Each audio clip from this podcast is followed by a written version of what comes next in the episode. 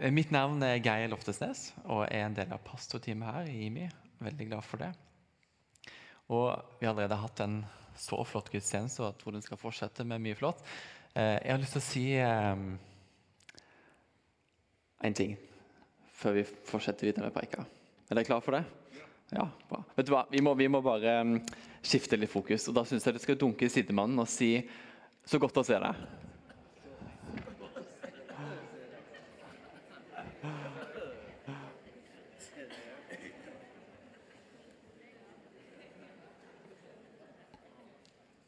Nå, nå, tvang jeg dere til å si noe. Det er ikke sikkert du mente det, egentlig, men, men du sa det likevel.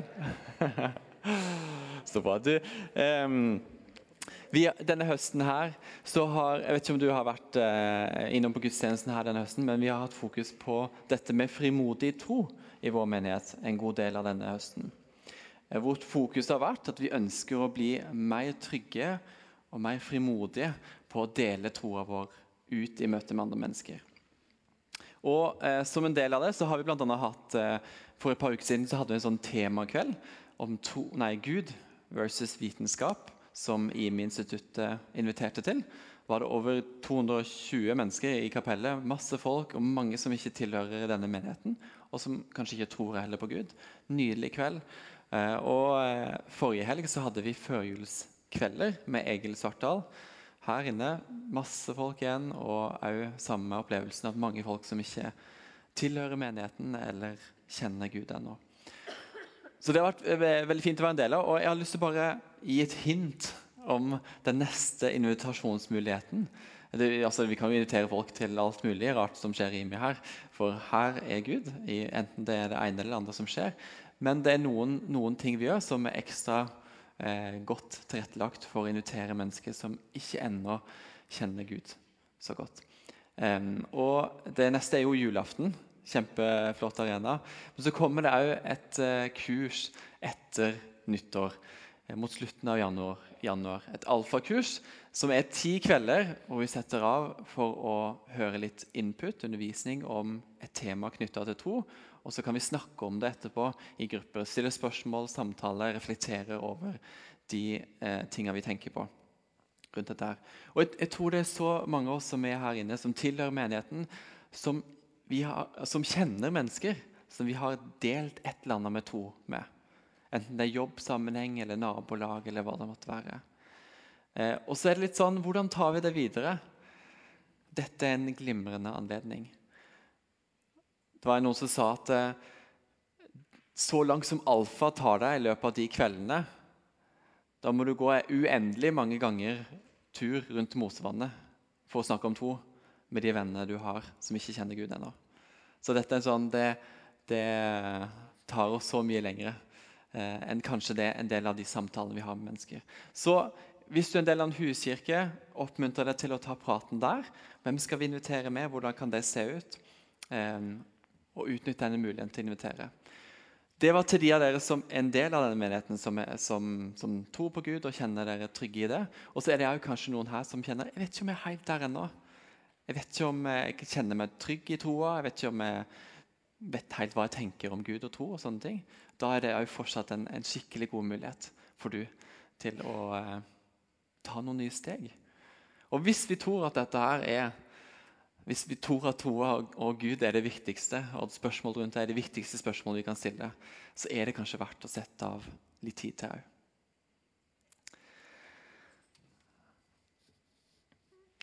Takk, O Gud, for at du er her og vil møte oss nå.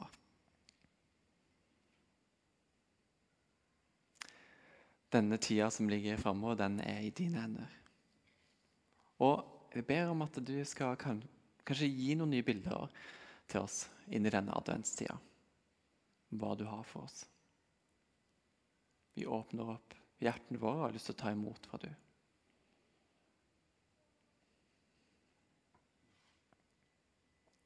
Jeg nevnte så vidt på en av disse her eh, førjulskveldene at eh, jeg har forbundet det med advent med noe som har med venting å gjøre. At det er en sånn ventetid og Av og til så kan dette her med venting være litt krevende. I hvert fall for meg som er, som er småbarnsfar. Og det å få på klærne altså på barna på morgenen, få det ut til tida, at de får spist maten og alt sånt, Hele tiden så, sånn vente, vente, å, jeg blir utålmodig i dette her. Kanskje noen kjenner det igjen, at eh, vi kan bli litt sånn utålmodige i noen settinger. Og ikke, altså Det er ikke bare for oss voksne, men det gjelder jo for barna våre òg. Den første eh, dagen i desember, 1. desember så, så sa min eh, treårige datter når hun hadde gått ut på ettermiddagen, så sa hun at å, det er så kjedelig å vente på jul. Det er jo 1000 uker til! Og så kunne jeg forsikre at vet du hva, det er bare fire uker, men jeg skjønner at du syns det er litt lenge. Dette med venting kan være utfordrende, men den som venter på noe godt, venter jo ikke sant. Dere kan noen ordtak! Så bra! Veldig bra. Julestria et sånt ord som ofte brukes i denne tida her. Og Det er et ord som jeg kjenner at jeg liksom begynner å mislike mer og mer. Men for alle, jeg har stor forståelse for at jeg kan oppleve sånn for mange. altså Alle disse, alle disse tradisjonene og forventningene som er knytta til denne juletida, førjulstida. Ikke bare skal du eh, få lagd disse julekortene, men du skal jo få gi de ut til alle sammen òg. Det, det har alltid vist seg vært det mest utfordrende. Og ikke bare skal du liksom sørge for å finne alle disse julegavene, og hvem skal gi til hva, og penger og tjo og hei, men kanskje mange skal lage adventskalender i tillegg. Ikke bare skal du ha styr på mat og god mat og hva skal vi ha disse, hvilke dager, og sånne ting, men vi skal lage bakemasse, og ikke bare én sort, men kanskje syv slag, som det heter. Så det er ikke bare pynting til jul, men vi må pynte til advent òg. Og så er det alle disse her selskapelighetene med liksom alle uendelige juleavslutningene og julebord og, og juleball og eh, familie, si, gjenforening eller familieselskap og alt dette her. Masse forskjellige ting som skjer. Og for all del Det er ikke sånn at dette, dette er skikkelig dårlig. Ikke i det hele tatt. Altså, det er så mange gode muligheter til å vise oppmerksomhet. Vi er glad i folk. og sånne ting, Kort og, og, og pakker og, og, sånne ting. Det er egentlig flotte muligheter. Og disse ulike arenaene vi er på i, i, uh, i juletida med selskapeligheter, er jo egentlig fine muligheter til å, til å, være sammen med folk og være til stede med folk. Så Det er ikke negativt. Men hvis det er sånn at summen av alt det som skjer, gjør at vi kjenner at julestria er kanskje det mest betegnende begrepet for denne tida. Da har vi bevega oss bort fra det jula egentlig handler om. Da vi beveger oss bort fra kjernen i jula. For hvis vi stripper bort juletida fra alle disse her ytre tinga, hvis du tar bort det, hva er det egentlig jula handler om? Hva er egentlig julebudskapet?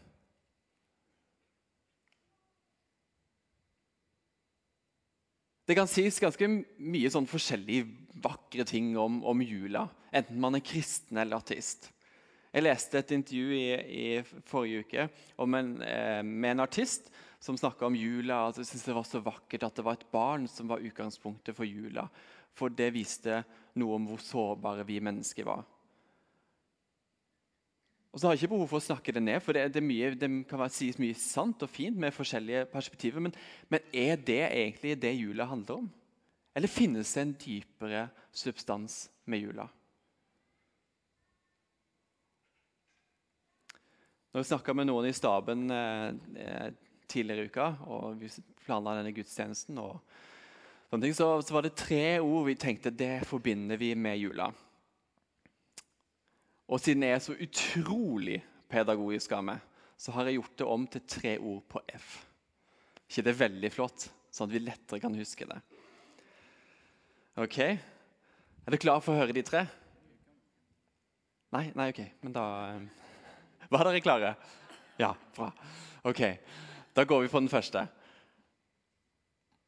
håp om frelse.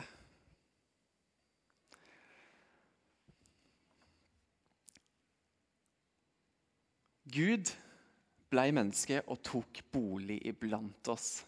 Eller 'moved into the neighborhood', som det står i message-oversettelsen av starten på Johannes evangeliet. Han valgte å bo iblant oss. Altså tror vi at Jesus er Gud, så tror vi faktisk at Gud har kommet ned på jorda for å være sammen med oss, helt i fysisk form. Han valgte å komme oss nær fysisk for å demonstrere at han ville komme oss nær psykisk og åndelig òg. Og all, all, den synden, all den synden vi har, alt det gale vi har gjort i møte med Guds standard for livet, det hadde skapt en avstand mellom Gud og menneske. Og siden vi er hjelpeløse i å fikse det, så måtte Gud sjøl ha en løsning. Han sendte sin sønn ned hit for å fjerne denne avstanden mellom Gud og menneske. Og Dette hadde de troende som levde på den tida før Jesus kom, det hadde de venta og lengta lenge etter. En sånn redning. Messias, den salvede, den utvalgte fra Gud, Guds sønn. Og han kom. Det var ikke bare forventninger som endte opp i ingenting. Men han kom først for å bo blant oss og for å gi oss sårt tiltrengte nye bilder av hvem Gud egentlig er. Og etter hvert i voksen alder få vokse opp og gå, velge å gå veien til korset for å dø bort denne avstanden mellom Gud og menneske. En gang for alle. Nå er det ingenting lenger som kan skille oss fra Guds kjærlighet. Ingenting som kan skille oss fra Gud lenger, hvis vi tror at dette her er sant.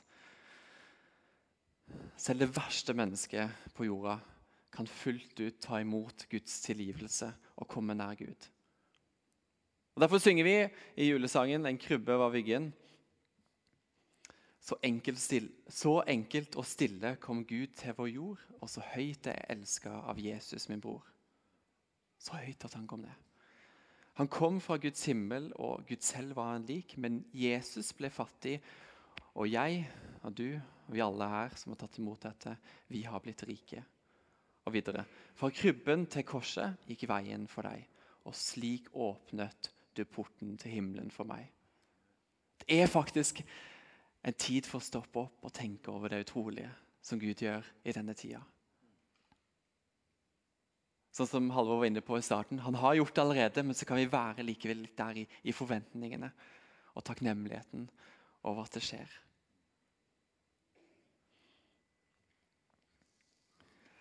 Så første er altså frelse. Håp om frelse. Et, et håp, Julebudskapet er håp. Håp om frelse. Stikkordet er frelse. Og neste stikkord er fryd. Så vi hørte fra eh, denne her, eh, eller så i denne Lego-filmen. Gjeterne som eh, får besøk av engler, som sier Se, jeg forkynner dere en stor glede. En glede for hele folket. Altså Når englene skal oppsummere hva dette her, for de skal si hva dette her egentlig er meint til å skape i oss, så er det en, en glede for oss. En glede for ikke bare oss, men for hele folket.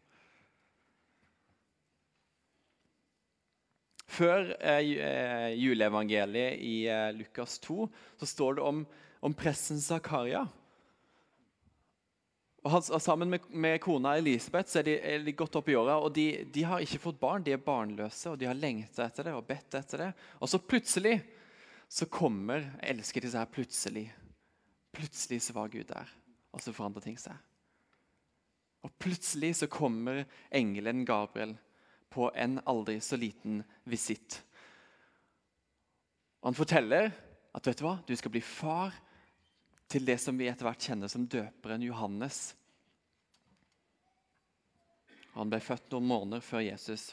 Og Da sier engelen Gabriel til Zakaria han skal bli til glede og fryd for deg.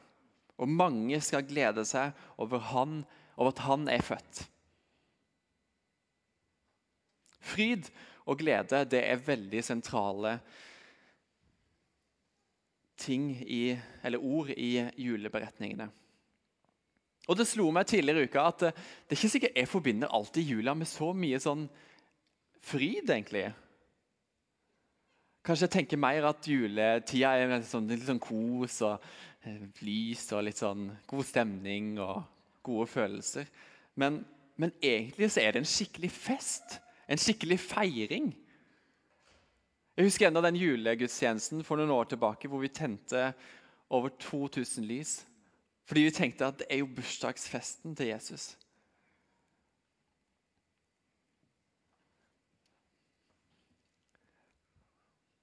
Gledens herre synger vi når vi eh, skal spise mat. Det er den vi tror på, den guden. Gledens herre. Full av glede. Og igjen han kom. Han kom til oss. Og kanskje vi skal ta bort noe av den grelle julepynten som tante Jørgina ga oss for noen år tilbake. Eller som våre egne barn har laga. Nei, nei, nei, jeg sa ikke det. jeg sa ikke det. Sorry. jeg sa ikke det. Og så erstatte det med noen skikkelig miljøvennlige, plastfrie ballonger uten helium. Fordi det er en fest. Det er en feiring. Julebudskapet er et gledens budskap. Og ventetida på Guds løsning er faktisk forbi. Som vi sa, De troende israelsfolket, jødene på den tida, hadde lengta og venta lenge, men nå er ventetida forbi. Og for en glede det er. Tenk, Jeg stoppa opp med dette her forrige uke. Tenk at jeg får leve, opp, leve i denne tida etter at Jesus har kommet. Tenk at jeg får leve i denne tida. Så heldig vi er. Vi trenger ikke lenger å streve for å være gode nok eller for å nå opp til Guds standard. For han har oppfylt den sjøl for oss. ikke det nydelig? Jeg syns det. Det gjør noe med meg. Og siste, altså, Da har vi frelse, og så har vi fryd. Og siste begrepet er fred. Og Det er så hipt at det er et peace-tegn der. Og Da går vi tilbake til eh, fortellingen om eh, gjeterne som fikk englebesøk. Det står som vi har hørt det, så i filmen, Med ett så var engelen omgitt av en himmelsk hærskare som lovpriser Gud og sang. Og dette, det de sang, det er fort at vi bare bla, bla, bla, bla, sier det som om det var en selvfølge. og Vi har hørt det mange ganger, og, og det sies i liturgier rundt forbi. Men hør. Når englene skal lovprise Gud, så sier de dette. Ære være Gud i det høyeste, og fred på jorden blant mennesker som Gud har glede i. Det er et fredsbudskap. Når englene skal tilbe Gud, så gir de han ære, og så proklamerer de fred over jorda. For det er det som skjer når Jesus kommer. Og En av de mest sentrale profetiene i Gamle testamentet, altså den, delen av Bibelen som var før Jesus kom, så var det en del mennesker, ulike mennesker opp gjennom tiden som hørte Guds stemme. Og disse tingene de hørte, ble kalt for profetier. Og En av de mest sentrale profetiene om Jesus er fra Jesaja 9, i Gamle en bok i Gamle testamentet. Hvor det står For et barn er oss født, en sønn er oss gitt. Herreveldet er lagt på hans skulder, og han har fått navnet Underfull rådgiver, Veldig Gud, Evig Far og Fredsfyrste. Dette er hvem Jesus er. Fredsfyrste. Det er han som kom, fredsfyrsten. Og Hvis vi ser litt i denne her historien om, om eh, presten Zakaria som, som fikk eh, være, bli far til døperen Johannes, så er det sånn at eh, Zakaria han trodde ikke på det engelen sa. Og det er jo litt sånn for meg litt sånn, Du har fått engelbesøk av Gabriel, som har snakka til deg. Da tror jeg jeg kunne trodd på ganske mye rart. Men, men eh, det er sikkert um, utfordrende likevel. Anyway, eh, Zakaria tror ikke på det, og han blir stum. Han sa han klarer ikke snakke lenger. etter dette besøket. Og det varer helt fram til åtte dager etter at Johannes har blitt født. Og da sier, eh, da, sier, eh, da snakker de om ah, hva skal vi kalle denne her sønnen. Kanskje vi, ah, vi bør jo kalle han for Zakaria. Etter faren kaller han opp. Stakkars, han er jo stum nå. Sant? Vi kan gjøre noe godt for han. Eller ja, ikke akkurat, kanskje akkurat sånn, men dere skjønner poenget. Eh, og, så, og, så, snakker de om dette her, og så får Zakaria, som ikke kan snakke, han får en tavle som kan skrive. Og da skriver han hans navn er Johannes. Og akkurat i det så løsner tunga, og han kan, han kan begynne å snakke igjen. Og Da kan jeg tenke meg hva, hva har skjedd inni hodet på Zakaria gjennom disse ni månedene du ikke kan snakke. Jeg tror du har brukt ganske mye samtale med Gud. i hvert fall. Og Da kommer det en sånn spontan lovsang ut fra munnen til Zakaria. Og mot slutten av den, Den er nydelig, men mot slutten av denne her, da har han virkelig skjønt hva dette her dreier seg om. Skjønt hva som skal skje. Og Da, og da, da um, kommer det en lovsang som setter ord på noe av det Jesus skal bety. Og da, da sier han slik skal lyset fra det høye, Guds lys, gjeste oss som en soloppgang og skinne for dem som bor i mørket og dødens skygge. Og dette er så nydelig. Å lede våre føtter inn på fredens vei. Lede våre føtter inn på fredens vei. Og Det står mye om fred i evangeliene videre. I Johannes evangeliet så står det jo at eh, Jesus sier fred etterlater jeg det. Min fred gir jeg dere, ikke den fred som verden gir. Nylig så hørte jeg om to, to historier om mennesker i denne menigheten som kjemper med kreft. Men det de utstråler, er ikke kreft, men det er Guds kraft. Fordi at de er, fullt, de er fullt med en fred som overhodet ikke gir mening. Og Jeg syns det er et så sterkt bilde på hvordan fred kan fungere. Jeg har selv møtt, eh, eller over, over hele verden så er det, er det, kristne som blir forfulgt. Og jeg har selv møtt noen sånne familier. Og husker ennå den ene gangen hvor jeg hørte historien til denne familien som hadde gått fra å være muslimer til kristne, og hvordan de opplevde forfølgelse i det landet. Og Det er nettopp fortalt at sønnen holdt på å bli drept osv. Og, så og så familiefaren han, han skjønner på ny hva Gud har gjort i deres liv. så Han setter på arabisk lovsangsmusikk, og plutselig I, det, i den stua, den lille stua så begynner alle å danse. Og, og, De har ikke noe å danse med, så de begynner å løfte opp stoler og danse med stoler. Og, og Vi fem nordmenn så var det, vi, vi, prøvde å henge oss med så godt vi kunne. Men fred, det er ikke av denne verden den freden som Gud gir oss. Det er Mange som kan snakke om fred i, i disse tider og, og, forskjellige settinger i landet vårt, men en helt annen fred enn denne verden gir. Den overgår all forstand. Den gir ikke mening. Det er vanskelig å sette ord på den, det er vanskelig å forklare det. Men hvis du har tatt imot den og lever i den, så vet du hva jeg snakker om, og da har du òg blitt avhengig. Dette er Guds gave. Det er åndens frukt det er et resultat av å være fullt med Guds ånd. Så frelse, fryd og fred. Frelse, fryd og fred. Etter at jeg ble kristen, valgte å tro på Gud, og etter hvert så begynte jeg å lese Bibelen, det var rundt 19 år, så var det særlig to historier rett etter juleevangeliene som fascinerte meg som jeg stoppa opp ekstra med. Det var kort etter, tid etter at Jesus eh, ble født. Da var det en sånn skikk at eh, foreldrene bar barnet til, til tempelet for, for eh, bar det framfor Gud i tempelet. og blant alle andre barn som ble båret fram i tempelet den dagen, så skjer det noe spesielt. For det er en som heter Simon, som har levd med Gud lenge, elska Gud, blitt fylt med Den hellige ånd. Han har opplevd at Gud har snakka til han og sagt at vet du hva, du kommer ikke til å dø før du har sett Messias, den salvede, min løsning, frelsen, frelseren, mener jeg. Og Så skjer det altså at han, han blir leda av ånden som det står, til tempelet den dagen. og Så ser han barnet, skjønner at dette er, er den han har lengta etter. Og så, og så, tar han det i armene og så sier han, Gud, vet du hva, nå, nå kan du ta meg, ta, her, ta meg herfra, for nå har jeg sett din frelse.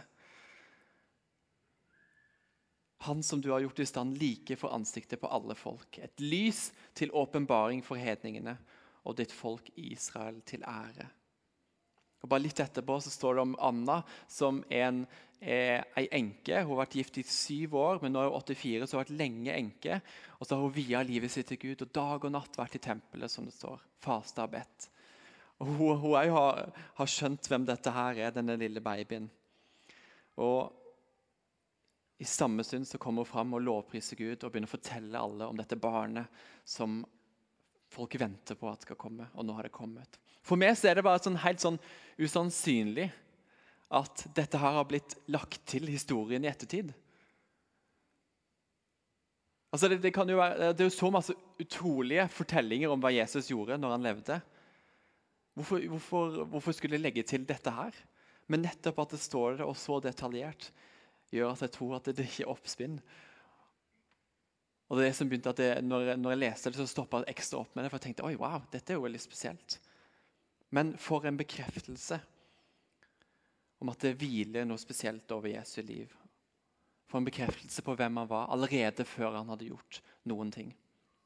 Gud avslørte sine planer til de menneskene som ga han rom for det. Og Disse menneskene de hadde forventninger altså Simon og Anna, de hadde forventninger til Gud fordi de hadde gitt rom for han i livet sine. Midt i en krevende periode. Det var flere hundre år hvor Gud egentlig ikke hadde snakka tydelig til Israelsfolket, til jødene. Midt i denne krevende perioden så hadde de sjøl gitt rom for Gud.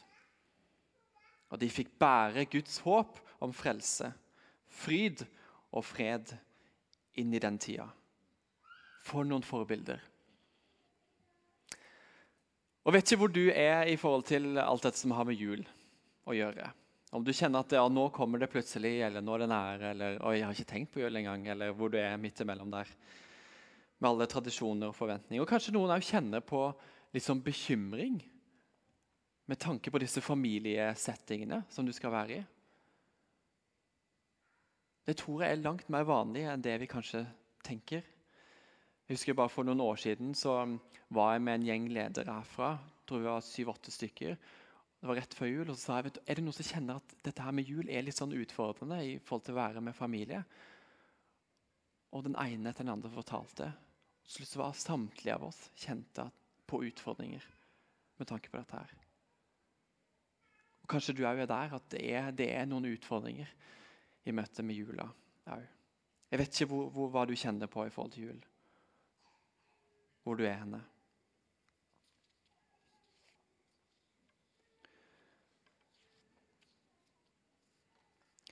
Men eh, det spørsmålet mitt er i dag, er at hvis det er sånn at julebudskapet handler om frelse, håp om frelse, om fryd om fred, er det det livene våre reflekterer i denne tida? Gjenspeiler det våre liv? Når andre folk møter oss som kristne der hvor vi er rundt forbi, er det det de tenker om våre liv? Wow, de, det virker som de er, tenker noe helt annet denne juletida. De er bærere av et håp om frelse. De er bærere av en fryd, gledesbudskap. De bærer av en fred som overgår all forstand. Og Det er ikke et spørsmål som er meint til å skape fordømmelse i oss. For Det kan være mange gode grunner til at vi ikke kjenner at dette gjenspeiler livet vårt. Og Det handler ikke om at du skal nå ta deg sjøl i nakken eller at du skal oppleve at du er mislykka fordi du ikke får det til osv. For er det sånn at dette egentlig ikke reflekterer livet vårt, så er det egentlig bare en invitasjon fra Gud om å gi det til deg akkurat nå og i denne tida som ligger foran. Vi kan ikke reflektere noe før vi sjøl har fått tatt imot det fra Gud. Så det er egentlig bare en invitasjon fra Gud. Dette er det jeg ønsker å gi deg i denne tida nå. Jeg ønsker å fylle deg med et håp om frelse. Jeg ønsker å gi deg fryd, en fryd som, som gjenspeiler et gledesbudskap. Og jeg ønsker å fylle deg med fred som overgår forstand. Det er ikke strevsomt å ta imot en gave. Det er ikke strevsomt å ta imot Guds gave. Og Kanskje noen av oss kjenner at det har vært bra gjort noen grep i denne jul, førjulstida. Kanskje vi må sakke ned tempoet litt, hvis det er mulig. Kanskje endre noen juletradisjoner, eller, eller forenkle det litt. Eller vi trenger å booke inn tid til å faktisk gi rom til Gud i denne tida, for vår egen del. Kanskje vi kan gjøre noe? Det vet dere bedre enn en meg. Jeg hørte en nydelig historie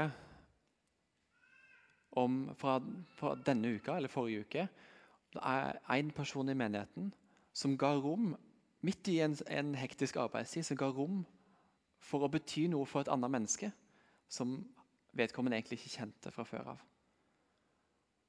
Så førte det til at denne personen herfra fikk lede den til tro på Gud. Og Det er så masse sånn nydelige detaljer med den historien som jeg ikke har fått lov å fortelle ennå. Men jeg håper at vi får høre hele historien seinere. For jeg synes det var så inspirerende. Tenk, For meg, for meg for et forbilde midt i denne tida. Gi rom for det viktigste. De fikk gjenspeile det jula egentlig handler om. Hva om vi denne førjulstida kunne få rydda rom for å ta imot det Gud vil gi oss? Det beste vi kan gjøre, det er å omfavne det Gud vil gi oss. Lovsangstimen, dere kan komme fram. Ehm, jeg starta denne mm, talen med å si noe om at eh, jeg forbundet advent med venting, og det å vente. Men så skjønte jeg tror det var for noen år siden, at en bedre oversettelse av advent egentlig er komme eller ankomst. Jesu komme eller Jesu ankomst. Og det tok meg rett til en sånn ankomsthall på en flyplass. Og tenker, Hvor mye forventninger er det ikke der? Enten det er eh, for de menneskene som, eh, som, skal ankomme og møte sine kjære igjen, eller for de som står og venter i den ankomsthallen for å møte sine kjære sånn, et sted som, er, som det er mye forventninger til. Og dette er denne adventstida dette er egentlig en tid for Jesu komme og Jesu ankomst inn i våre liv. Enda mer. Enten, du ikke har, enten det er for første gang, eller om du kjenner Gud godt fra før av, så er det egentlig en tid for å ønske Gud velkommen enda mer inn i våre liv.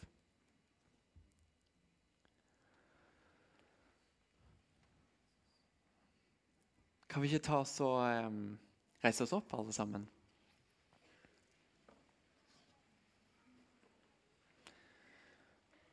Jeg tror virkelig at uh, Gud står i denne ankomsthallen. Så er spørsmålet hvor er det vi lander i denne adventstida? Tror at Gud står der og ønsker å komme oss nær i livet. Uansett historien du har, uansett utfordringen du måtte bære på akkurat nå. Og inn i denne adventstida og følelsestida så ønsker han å fylle oss med håp om frelse, med fryd over gledesbudskapet og med fred som overgår all forstand. Og jeg tror at om Gud får fylle oss opp med dette her for vår egen del, som jeg tror virkelig han ønsker, så vil det òg lekke ut til andre mennesker og ha betydning for andres del.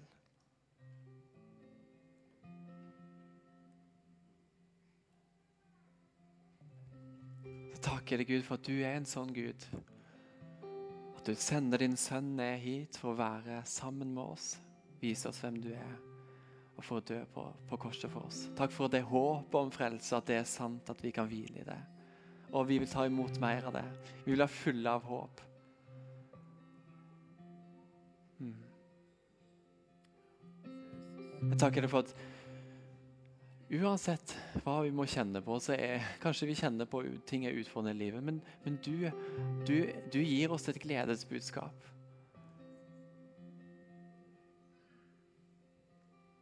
Vi kan fryde oss over det uansett hvordan vi måtte ha det. Og takk for at det er et budskap om fred du vil gi oss. En fred som overgår all forstand. Som overhodet ikke gir mening. Som ikke er det samme som andre mennesker i denne verden måtte snakke om. En fred som er fra en annen verden. Som er fra du. Fyll oss opp nå med dette her. Vi vil ha det. Vi vil at det skal prege våre liv. Prege denne følelsestida.